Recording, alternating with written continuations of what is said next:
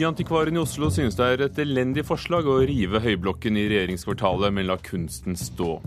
Oversetternes makt skal under forskernes lupe, og Play er en dristig film om innvandrerbarn som robber og trakasserer svenske barn, sier vår anmelder, og den er en av premierefilmene på kino i morgen. Og du hører altså på Kulturnytt her i Nyhetsmorgen i NRK P2 og Alltid nyheter.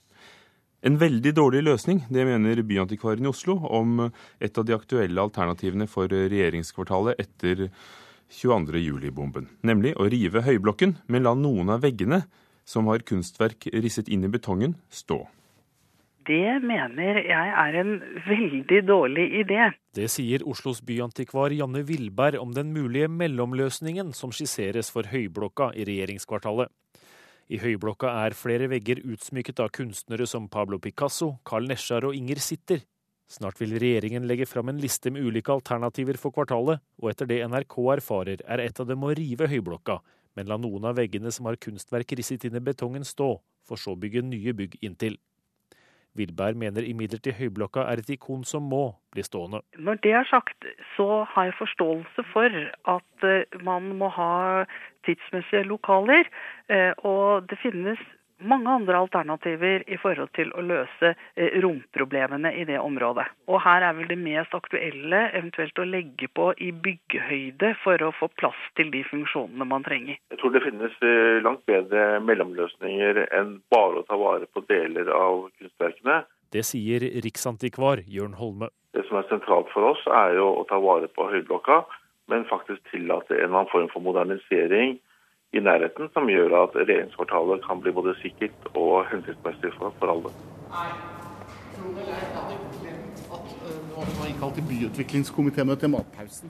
Travelt opptatt med møter i både komiteer og bystyre i Oslo rådhus, finner byutviklingsbyråd Bård Folke Fredriksen likevel tid til å lese seg opp på siste nytt i saken via en iPhone. Å rive, men beholde deler av de gamle bygningene. Dette skal inkludere rive Høyblokka, men noen av veggene akkurat. Vel oppdatert er byutviklingsbyråden enig med by- og riksantikvaren. Jeg syns man skal ta vare på den kunsten som er eh, i orden, selv etter en så voldsomt uh, eksplosjon. Og jeg er helt åpen for at bygget må kunne moderniseres innvendig og tilpasses det funksjonelle behov. Men jeg er opptatt av at byen Oslo må ikke forandres hvis det ikke er nødvendig som følge av en terroraksjon. Altså. Her, har vi, her har vi som storsamfunn noe å ta vare på. I mørke og minusgrader i Oslo sentrum står Høyblokka som en avstengt isblokk, kledd i hvit duk med to oransje heiser mekanisk klatrende opp langs forsiden. Miljøvernminister Erik Solheim sa til NRK i går at han ønsker en bred debatt om byggets framtid. Flere forbipasserende nedenfor regjeringskvartalet har i motsetning til vernemyndigheter og politikere tro på en mellomløsning der kunstnerveggene står og resten rives. Det er sånn som du har gjort i Berlin noen steder og sånn, ja. Veldig, det kan jo være fint også. Altså, fint å bevare kunst, men at det kan bli penere utenpå. Det som helt sikkert bør gjøres, er at de kunstverkene bør stå, i og med at de er intakte. Utrolig nok. Men uh, en sånn en sånn mellomting mellom høyblokka og noe nytt moderne, det vet jeg ikke helt om jeg hadde sett så veldig bra ut. Byantikvar Janne Vilberg i Oslo holder på at Høyblokka må få stå som den er. Dette er symbolet på eh, eh landets ledelse. Og det ville være slik at eh, terroristen ville ha vunnet hvis eh, det eh, får lov til å bli revet. Sa Oslos byantikvar Janne Vilberg til reporter Gjermund Jappé.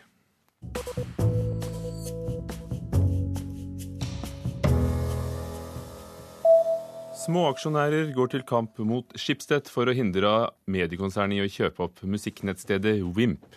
Nå har småaksjonæren startet en Facebook-gruppe fordi de mener Schibsted vil kjøpe aksjene altfor billig. Protestene kommer fra 231 personer som hevder at de sitter på 12% av aksjene i Aspiro, som igjen eier selskapet Wimp. I dag blir det bare norsk musikk i NRKs hovedkanaler på radio. Det skyldes 75-årsjubileet til NOPA, Foreningen for norske komponister og tekstforfattere. Og markeringen gjelder radiokanalene P1, P2 og P3. Og så film.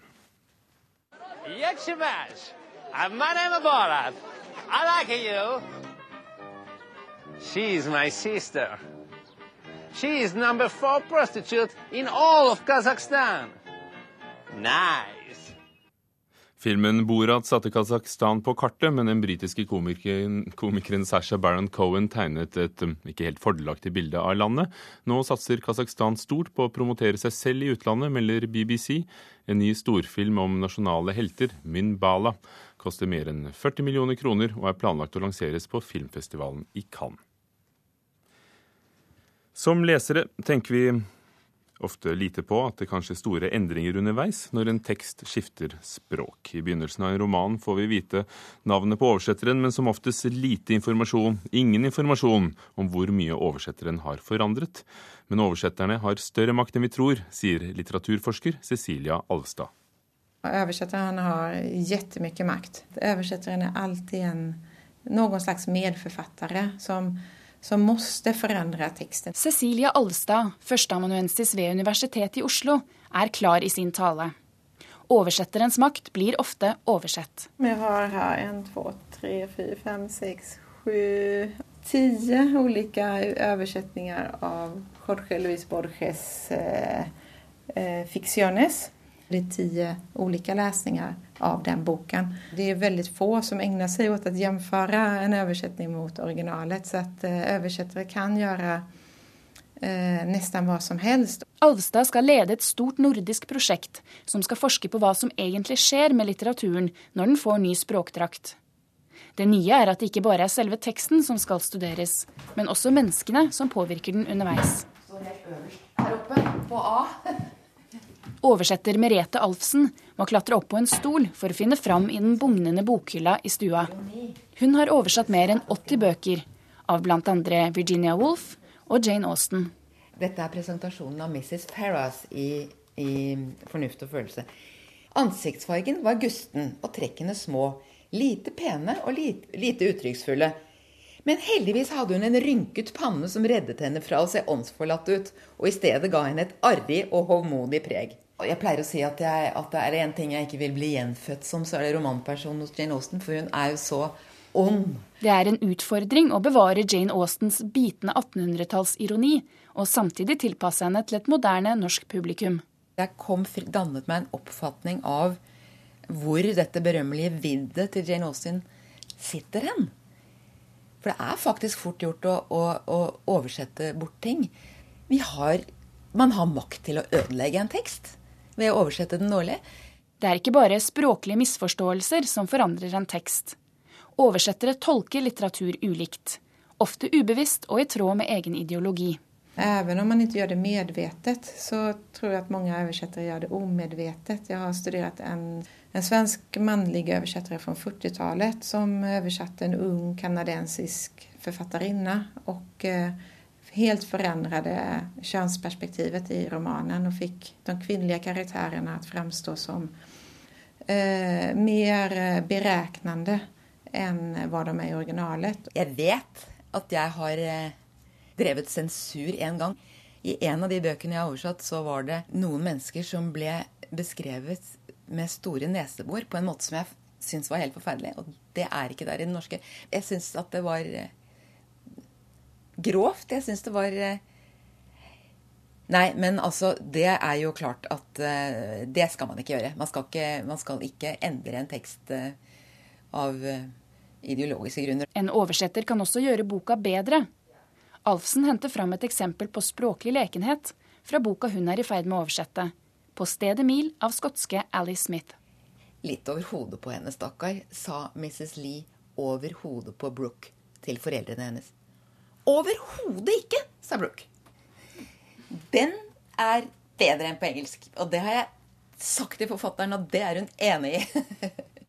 Sa oversetter Merete Alfsen om den skotske forfatteren Ali Smith, og reporter var Ida Kvittingen. Leif Ekle, litteraturkritiker her i NRK. Hva vet egentlig vi som lesere om hvor mye oversetteren gjør med romanen? Uh, altså Hvis vi ikke har lest originalen på forhånd, og det har vi jo svært ofte ikke, så vet vi ingenting. Vi er rett og slett prisgitt oversetteren.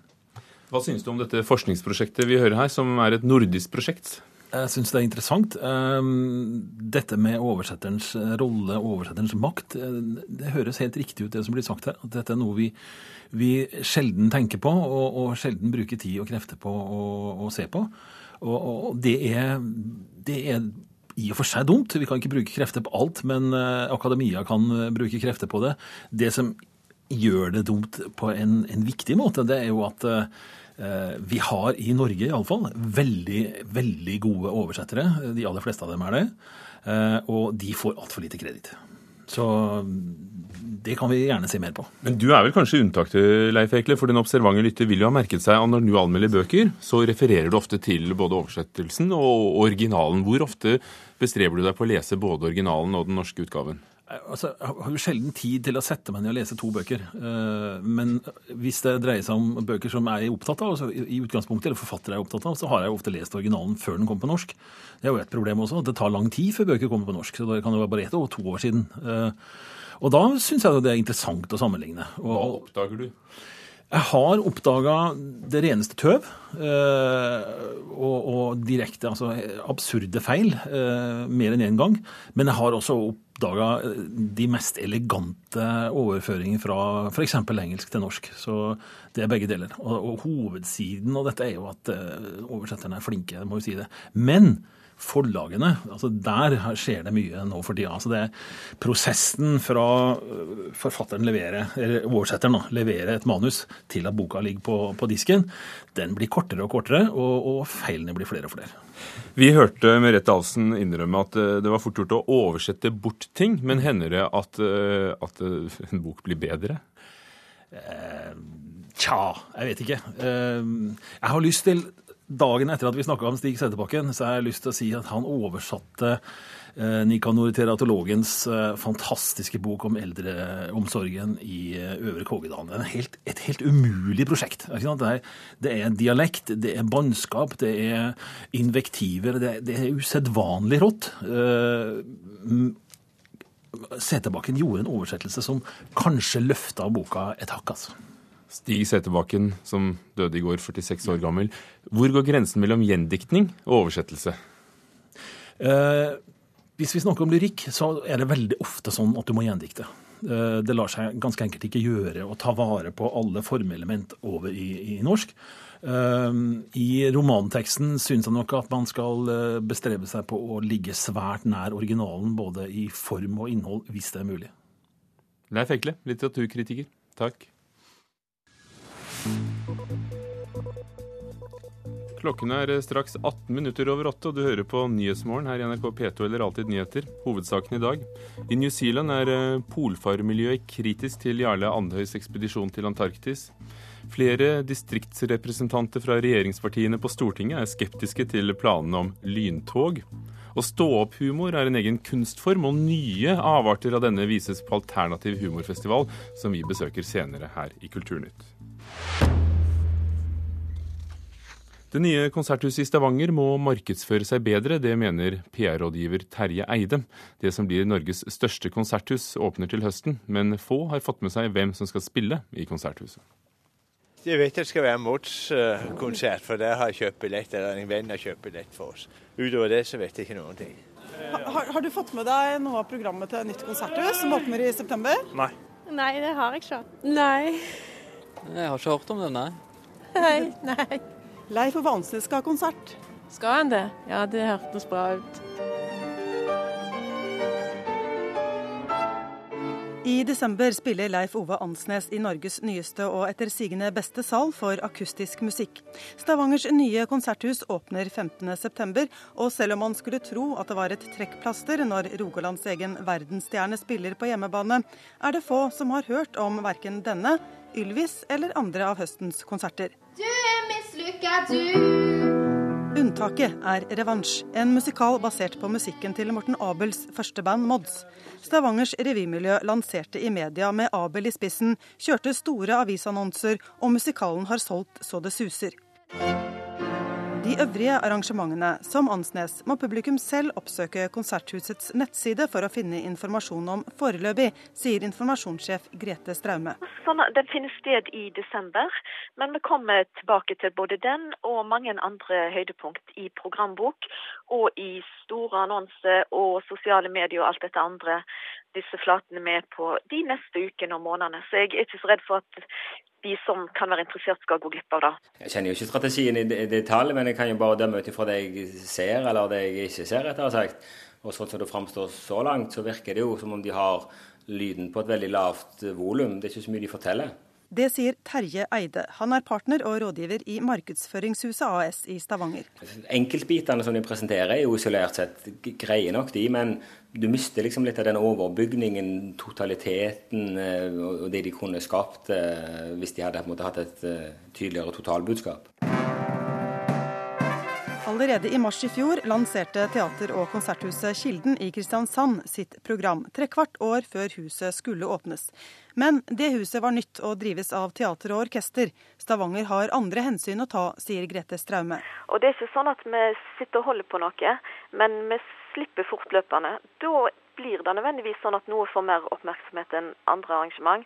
Og det er sånn vi må jobbe når vi er liten organisasjon og ikke altfor store midler å bruke på den typen ting.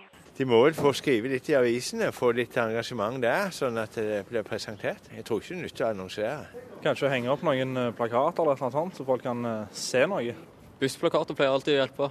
Selv om det bygges et nytt spektakulært konserthus til 1,2 milliarder kroner, så kommer publikum ikke av seg selv. Orkestersalen tar opp mot 1500 mennesker, mens flerbrukssalen kan ta 2000.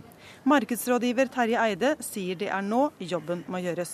Hvis du skal bygge et, en grunnmasse med publikum som, altså, som litt uavhengig av hva, hva som er der, men de bare har lyst til å bruke det mye, så må du fortelle andre historier enn det de har fortalt så langt. Og vår reporter i Stavanger er Anette Johansen Espeland.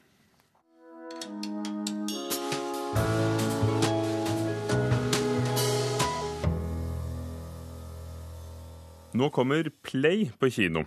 Svensk, prisbelønnet og utskjelt om flerkulturell disharmoni. Og vår anmelder Einar Gullvåg Staalesen berømmer den på det sterkeste. Ruben Østlund er modig. Han skildrer uten sminke hvordan innvandrerbarn fra Afrika robber og terroriserer barn som er etnisk svenske. En gruppe eldre ungdommer av blandet opphav terroriserer både svarte og hvite. Ruben Østlund får det til å se sant ut. Han er både forfatter og regissør til filmen Play.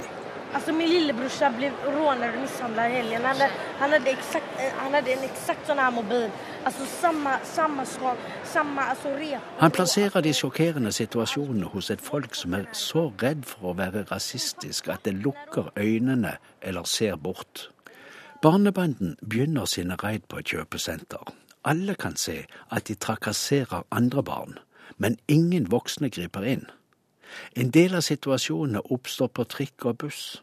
Føreren er ikke truet, så han stanser vognen og sitter rolig til det hele går over. I ett tilfelle spør han skal jeg ringe politiet nå. Det meste vi ser foregår i løpet av et døgn. To gutter som holdes fanget, kan få løpe hjem hvis en av dem klarer 100 pushups der og da. 10, 11, 12, 13 Seriøst, tror ni han skal gjøre 100 armhevinger, eller? Filmen observerer. Kameraet står stille. Handlingene er i bevegelse. Det er slik vi bruker å oppleve virkeligheten med egne øyne. Denne virkeligheten er laget, den er spillefilm, barna er skuespillere, situasjonene er i beste fall rekonstruert, men alt ser virkelig ut. Pushup-disiplinen gir falskt håp. 33, 34, Parallelt foregår det en togreise som vi lenge ikke skjønner meningen med. Den fortoner seg som et sært artistisk innfall. Innfallet kan ha en spesiell og fascinerende virkning som sådant. Men så ser vi at det rare har dypere mening. Filmen treffer. Filmfortellingen er presist avstemt mot hendelsene. Dårlig spill i én rolle kunne ødelagt illusjonen eller virkeligheten for oss. Den dårlige rollen finnes ikke. Når alt som skjer, foregår i varige, stillestående bilder som sjelden skifter vinkel eller utsnitt, er det ekstra krevende å være skuespiller. Her mestrer alle alt. Slik er det, selv om alle de vesentlige skuespillerne er barn i aldre som instruktører ofte strever med. Filmen går langt inn, det kjenner vi. Den er særdeles intens. Den er særdeles vesentlig. 75, 76, Kom igjen, fortsett. 76, Grumane, kom igjen, kom igjen. Einar Gullvåg Staalesen om Play, og i Mørkets opplevelser i ettermiddag klokken 15.30 anmelder han flere av ukens kinopremierer. Humorfestivalen, som heter altså Crap oppå park på Parkteatret i Oslo, vil vise Norge at stå-opp-humor er en egen kunstform. Reggie Watts, kjent fra TV-programmet Conan og The Simpsons, sto på scenen på Parkteatret i går kveld, og improvisatoren og musikeren driver med alt annet enn tradisjonell standup.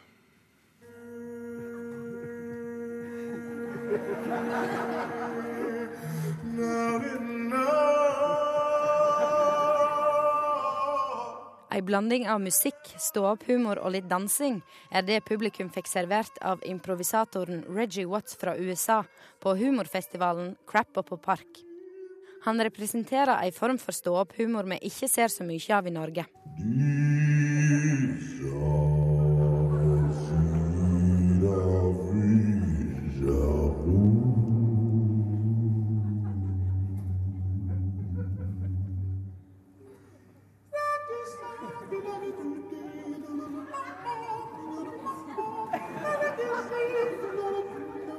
Reggie Watts skjønner at noen kan synes det er rart, men han kombinerer de to tingene han liker best å gjøre på scenen. Musikk og komedie.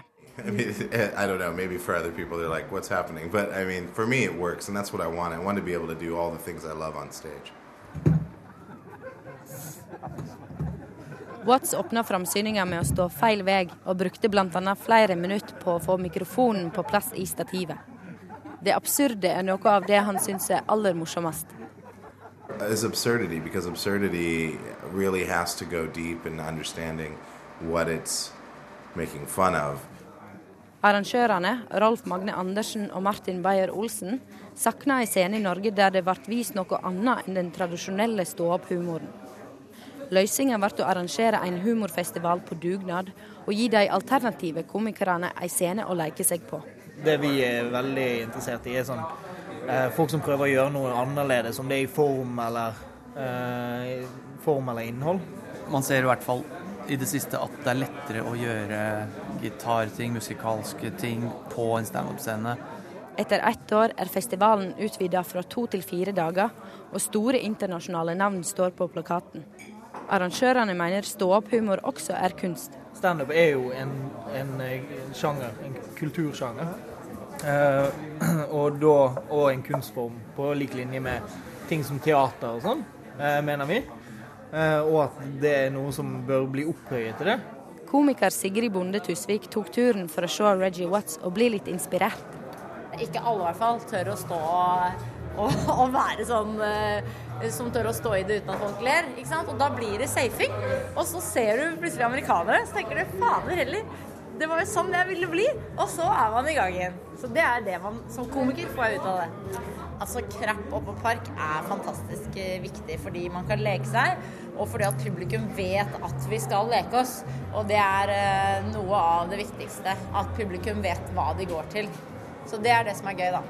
Også publikum er nøgde med litt alternativ humor. Jeg har, vet du hva? Jeg gikk rundt og drømte om at dette skulle finnes i Norge. Og akkurat idet jeg drømte det, så ble det sannhet. Det er nesten så jeg begynte å tro på The Secret. Jeg syns det er kjempetiltak som har vært en et, et, Har du den boka? Ja. Kan du låne den? Nei, jeg har ikke det. Men det er virkelig et friskt pust i norsk humorscene.